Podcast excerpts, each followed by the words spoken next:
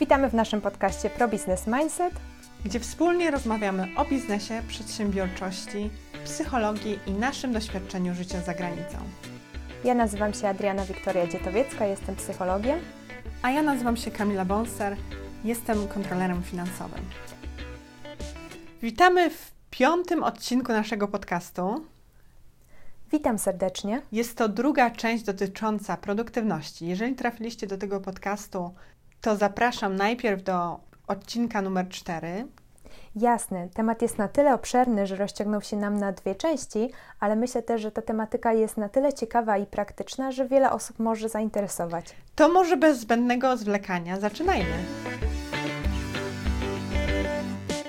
Z tego co widzę z moich notatek, to rzeczywiście mamy bardzo podobny, bardzo podobny styl planowania i ja też planuję roczne cele miesięczne i tygodniowe i te trzy takie większe rzeczy na codziennie, ale ja chciałam wspomnieć o działaniach w blokach. Czyli co mam na myśli? Jak wiemy, jeżeli prowadzimy małą działalność, to w naszej działalności jesteśmy nie tylko przedsiębiorcą, ale również księgową, również e, finansistą, również marketingowcem, również działamy w sprzedaży. I jak, ja działam tak, że po prostu dzielę sobie tydzień na różne te funkcje i powiedzmy na przykład w jednym dniu mam mhm działanie marketingowe. I wtedy jednego dnia planuję, powiedzmy, tydzień, na cały tydzień planuję posty na, na mhm. social media. Może dla przykładu dam działania marketingowe i planowanie postów, czyli w jednym dniu to mi zajmuje, nie wiem, dwie godziny, godzinę, w zależności od, od danych treści. Planuję posty na cały tydzień z góry i one są potem automatycznie publikowane. Mhm. I również e, w, folderze mam dokument Word, w którym mam gotowe treści, które mhm. wpisuję i tylko zmieniam z hashtagami ze wszystkim, więc dzięki temu działam automatycznie i działam, działa to bardzo dużo szybciej niż jakbym robiła to codziennie, tak, i publikowała i szukała tych hashtagów i szukała tego, tego opisu, więc myślę, że to jest bardzo ważne. Czy Ty też działasz w blokach? No właśnie tutaj e, tak słuchając Ciebie pomyślałam sobie, że to jest właśnie bardzo efektywne i gdzieś ważne, e, kiedy mamy do wykonania kilka różnych jakby obszarów do zagospodarowania e, i, i pracy, i w życiu prywatnym, żeby to wszystko zgrać. I tak, ja też działam w blokach, bo to mi się skojarzyło trochę z multitaskingiem, że w tych czasach my jesteśmy tacy wielozadaniowi i to gdzieś przez moment było bardzo promowane, ale jakby multitasking się nie sprawdza, bo multitasking nas bardzo wyczerpuje, naszą, naszą energię psychiczną, nasze zasoby poznawcze, bo my gdzieś e, robiąc kilka rzeczy naraz, tak naprawdę tą uwaga, ta uwaga nasza jest rozproszona i nie jesteśmy tak efektywni, jakbyśmy mogli być, kiedy wykonujemy jedną rzecz. Dlatego też metoda działania w blokach jest bardzo fajna i ja też się na tym skupiam, tylko że ja sobie to dzielę e, w przeciągu dnia, nie na, nie na tydzień, no bo jeszcze e, jakby przy pracy etatowej to też mi pochłania trochę godzin, więc gdzieś tam popołudniami i weekendy rozdzielam sobie te poszczególne rzeczy, którymi się gdzieś tam zajmuję właśnie w promocji i, i, i, biznesu i jakby planuję sesje terapeutyczne z moimi klientami albo na przykład e, sesje coachingowe, szkoleniowe, e, to też to sobie gdzieś tam rozpisuję i żeby mieć to już przygotowane. I właśnie wracamy znowu do, te, do tego poznania siebie, bo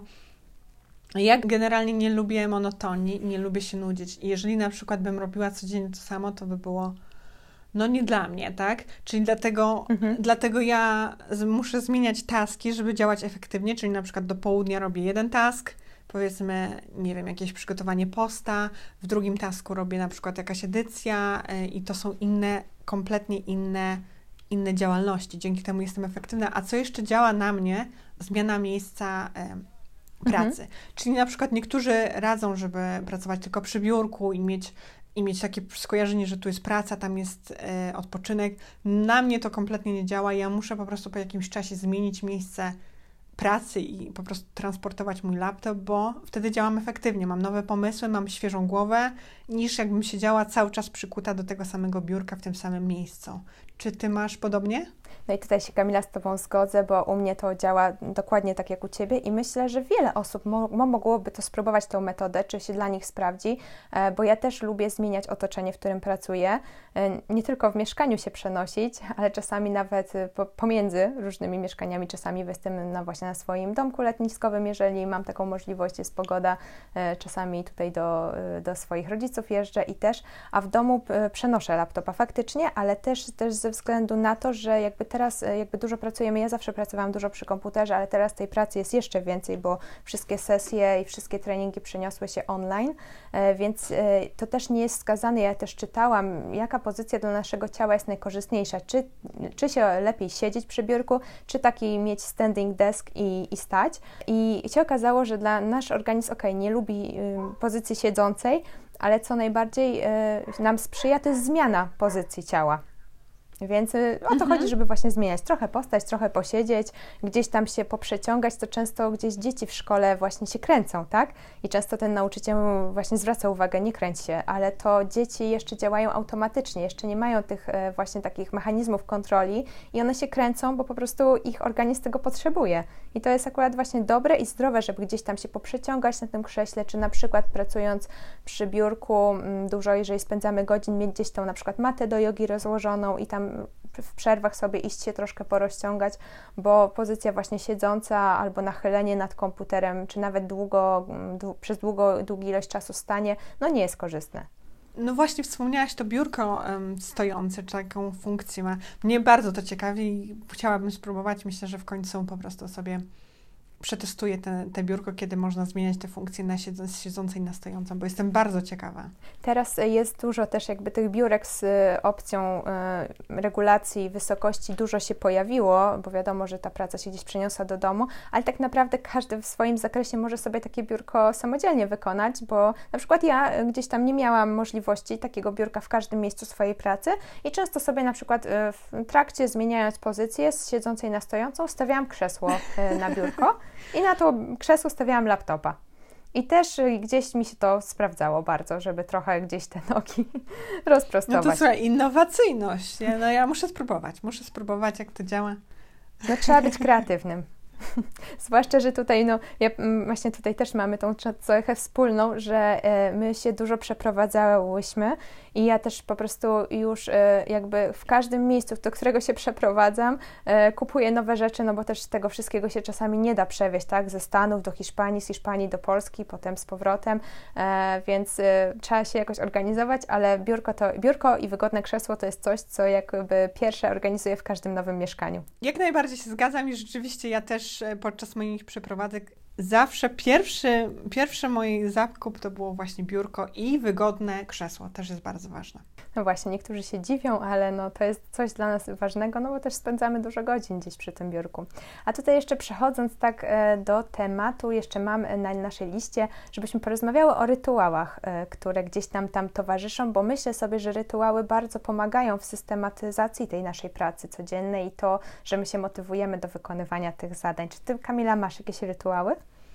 Hmm, no pewnie, że mam rytuały, tylko zastanawiam się, o których chcę powiedzieć, bo tak jak mhm. wspomniałyśmy wcześniej, ja lubię i zresztą myślę, że w tym aspekcie mogę powiedzieć my.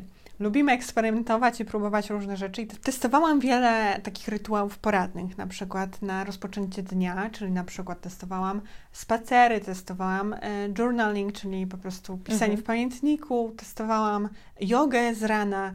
I myślę, że bardzo ważne jest, żeby nie wpaść ten, e, w tą dziurę i nie robić tych zadań za dużo, i wtedy po prostu na tym kończymy, że dzień zaczyna, na, powiedzmy, zamiast zacząć pracować o 8, 9, to zaczynamy o 12, bo mamy tych 5 albo 10 tych rytuałów, które musimy wykonać i to trwa. Mhm. No tak.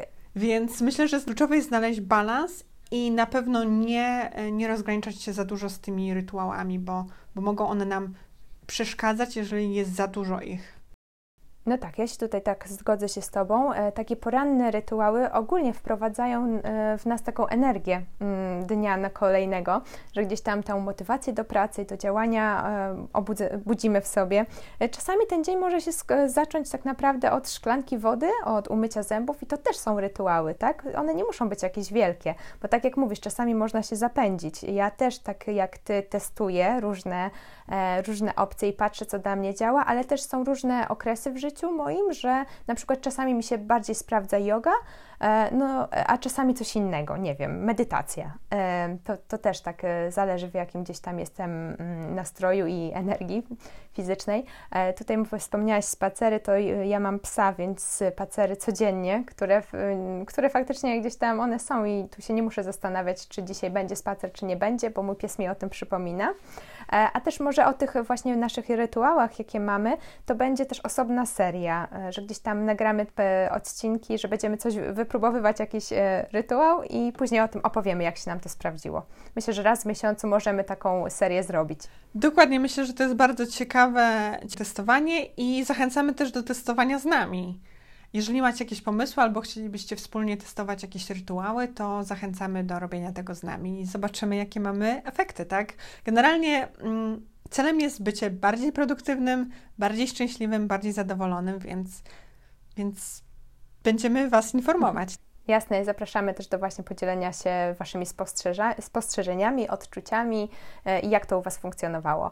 E, też te rytuały właśnie, czym one mogą być i poranne, wieczorne, które gdzieś nas tak uspokajają i wprowadzają w stan relaksu, ale też są rytuały, które towarzyszą nam w ciągu dnia, na przykład kończąc pracę możemy mieć jakiś rytuał. E, ja na przykład do pracy, kiedy pracuję, mam określone okulary, które ubieram właśnie zawsze do pracy z komputerem i to mi też przypomina, że jestem w pracy i przypomina mi też o tym, żeby właśnie się skupić. E, tutaj jeszcze też poruszyłyśmy temat różnych aplikacji i nie wiem, Kamila, czy Ty korzystasz z takiej metody, ona nazywa Pomodoro. Są do tego różne aplikacje, które gdzieś tam nam pomagają w skupieniu się, że na przykład ustawiamy sobie tą aplikację na przykład na 20 minut pracy i potem 5 minut przerwy. Jak to u Ciebie wygląda? Ja testowałam tą metodę, rzeczywiście fajnie zdawała sprawę przy takim intensywnym e, no, uczeniu się, czyli jeżeli na przykład uczyłam się do certyfikatu i rzeczywiście, jeżeli uczysz się już typowo takiej stricte finansowej wiedzy i dużo energii wymaga i jest wyczerpujące i Szczególnie to jest troszeczkę jak uczenie się nowego języka. Nie wiem, czy pamiętacie, mhm. jak uczyć na początku uczenie języka i czytanie tych tekstów i słuchanie tych podcastów w obcym języku jest takie męczące. Tak, znam to uczucie. I tak właśnie jest. I, i przerwa jest bardzo, bardzo cenna w tym, w tym mhm. czasie. Tam mi się podoba ta opcja, że jednak tam można ustawić trochę ten czas pod siebie, bo e, zaleca się właśnie pracę w takim trybie, że 25 minut pracy, 5 minut przerwy. E, no dla mnie to było zdecydowanie za krótko, bo na przykład mój umysł, kiedy już się skupił, to ja mogłam pracować dłużej, na przykład tą godzinę czy 55 minut jestem w stanie się skupić. Nie lubiłam się wybijać z tego rytmu, bo gdzieś czasami ta zbyt, y, ta przerwa, która się pojawiała zbyt często, wybijała mnie z tego rytmu i potem musiałam, kiedy wracałam do zadania, czułam się, że muszę znowu jakby wejść w ten rytm pracy. Ja mam, e, ja mam podobnie jak ty i rzeczywiście wolałam takie szkolne 45 minut i, i te 5 minut nie jest wystarczające. Te 10-15 minut jest lepsze i rzeczywiście mhm. no, wracamy do po prostu poznania swoich preferencji, działania zgodnie z swoją naturą. Mhm. No tak, ale też jeszcze ważne jest to, co my robimy w trakcie tej przerwy, tak? Ważne jest to, żeby na pewno wstać, mm, rozprostować się trochę, e, no i żeby też nie zajmować tego umysłu innymi obciążającymi nas bodźcami. Znaczy ja z reguły to y, idę po więcej wody albo herbatkę, mhm. więc to jest bardzo dobre, bo no trzeba wodami mhm. przejść, zrobić coś innego i, i mhm. wtedy nie analizuję żadnej informacji, więc myślę, że, że to jest bardzo istotne. Albo też super przerwa jest wyjście do mhm. ogrodu. Bardzo też lubię wyjść do ogrodu, popatrzeć na kwiaty, posłuchać ptaków. To jest takie, to jest takie relaksujące. No właśnie tu chciałam wspomnieć, jeżeli masz możliwość do ogrodu, to super. Jeżeli ktoś nie ma możliwości, żeby wyjść na zewnątrz, no to dobrym e, sposobem jest też popatrzenie przez okno, bo to też jest ważne dla naszego wzroku, że on patrząc w komputer jest skupiony na e, obrazie, który jest w tej samej odległości, a gdzieś ta fiksacja naszego wzroku pracuje, tak? Że kiedy spojrzymy przez okno, widzimy obiekty, które są dalej, bliżej, to jest gdzieś tam dobre właśnie e, dla mięśni wokół oczu, więc to spacery jak najbardziej. Jeżeli ktoś ma możliwość wyjść na trochę, to też jest fajne. Na pewno. No i też to utrwalenie wiadomości, prawda? Jeżeli robimy przerwy, generalnie nasz mózg zapamiętuje to, co na początku i co, to, to, co jest na końcu, a w środku jest tak jakby jest wielka plama, więc im częściej robimy te przerwy, zgodnie z naszymi preferencjami, tym, tym lepiej. Ja tak jeszcze tutaj, może na koniec jeszcze, y, bo już będziemy powoli kończyć, tak myślę, że nawiązując do tego tematu, kiedy mówiłyśmy o tym, żeby nie robić zbędnych rzeczy i jakby, żeby sprawdzić, czy te nasze działania kierują nas w stronę naszego celu, żeby też w tym wszystkim nauczyć się mówić nie, bo czasami gdzieś my mamy swoje cele, ale gdzieś z zewnątrz, z mm, otoczenia, które jest wokół nas, spływają do nas zadania, których sobie nie zaplanowaliśmy. Oczywiście, że istnieją takie sytuacje, jak czasami no już e, odpukać zalanie mieszkania, tak, i musimy się tym zająć w danym momencie i nasz plan gdzieś, e, jakby priorytety się zmieniają tego dnia, więc to jest normalne, ale żeby czasami e, no po prostu powie umieć powiedzieć nie i też nauczyć się właśnie, tak jak Ty wspomniałaś, delegować zadania. Ja myślę, że na początku jest określenie tych celów bardzo ważne, bo jeżeli nie mamy tych ustalonych swoich celów, to wtedy trudniej jest mówić nie do innych i wtedy działamy, mm, no troszeczkę można powiedzieć, sabotujemy siebie, tak? Więc pierwszym krokiem jest ustalenie swoich celów, a wtedy praca nad mówieniem nie i stawianiem granic. Mhm. No też tak się mówi, jeżeli nie masz swoich celów, to będziesz pracował na to, żeby realizować cele i marzenia innych osób. Także myślę, że jest to bardzo korzystne dla nas, żeby mieć te cele i dążyć do ich realizacji, no i mieć satysfakcję z tego życia. Myślę, że e, to jest bardzo piękna puenta i nic okay. więcej nie trzeba dodawać. E, no to zmierzając do końca odcinka, żeby tradycji stało się zadość, e, Kamila, co Cię ostatnio zainspirowało? W tym odcinku również przygotowałam książkę. I jest to książka Michaela Gerbera Mit przedsiębiorczości. Dlaczego większość małych firm upada i jak temu zaradzić? Nie jest to najnowsza książka, ale dla osób początkujących, które planują e, założyć swoją działalność gospodarczą, e, jest to świetna pozycja, ponieważ uświadamia, jak mylne przekonanie mają przedsiębiorcy. Czyli jeżeli na przykład jesteś wspaniałym informatykiem, i chcesz tak tradycyjnie przejść na swoje, zamiast wykonywać tych działań dla swojego pracodawcy, to wielu przedsiębiorców, początkujących przedsiębiorców nie zdaje sobie sprawy, że oprócz tej, e, tego, tej umiejętności, którą tej usługi czy umiejętności, którą wykonujemy, czyli na przykład być informatykiem, to również musimy być księgową, strategiem, zajmowa musimy zajmować się sprzedażą, promocją, marketingiem. I myślę, że bardzo ważne jest zrozumienie tego tak naprawdę, że w efekcie będziemy mieli mało czasu lub prawie w ogóle na robienie tej naszej, robienie tej działalności, tej naszej pasji, tak? I wtedy bardziej jesteśmy menadżerem niż, e, niż tym usługodawcą. E, tak, Kamila, ja pamiętam, polecałaś mi tę książkę, ale niestety czeka jeszcze w kolejce do przeczytania, ale na pewno się za nią zabiorę, e, bo temat jest bardzo ciekawy. E, I tak też, jak tu wcześniej rozmawiałyśmy, faktycznie prowadząc własną działalność gospodarczą, przynajmniej no, na początku, mnogość tych ról i zadań, które mamy do wykonania jest przeogromna i czasami też trudna do ogarnięcia. I jasne, że mądrze jest delegować zadania i zatrudniać pracowników, ale no, czasami jest to niemożliwe. No myślę, że na początku nie mamy funduszy też E, na zatrudnienie i outsourcowanie tych działań do innych.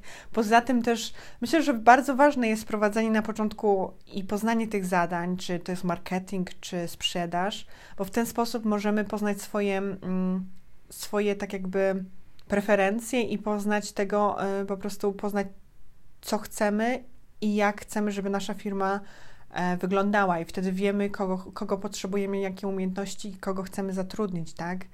E, więc ten etap, kiedy wiemy tak naprawdę, e, jak promować nasz, nasz biznes, jest bardzo, bardzo ważny. Jasne, no ale przez taką naukę nowych rzeczy i nowych zadań też rozwijamy się, bo to są dla nas nowe umiejętności. E, także Kamila, bardzo Ci dziękuję za to polecenie, na pewno zajrzę do tej książki. E, I kończąc ten odcinek, bardzo dziękujemy za wysłuchanie drugiej części odcinka dotyczącego produktywności. Jeżeli macie jakieś pytania lub chcecie się z nami skontaktować, zapraszamy do napisania maila albo wiadomości na Instagramie. Linki znajdziecie w opisie. Mm, I zapraszamy także do subskrypcji naszego kanału. Możecie nas posłuchać na Apple Podcast, na Spotify, a także na YouTube. I do zobaczenia, do usłyszenia w przyszłym tygodniu. Cześć! Dzięki, do usłyszenia.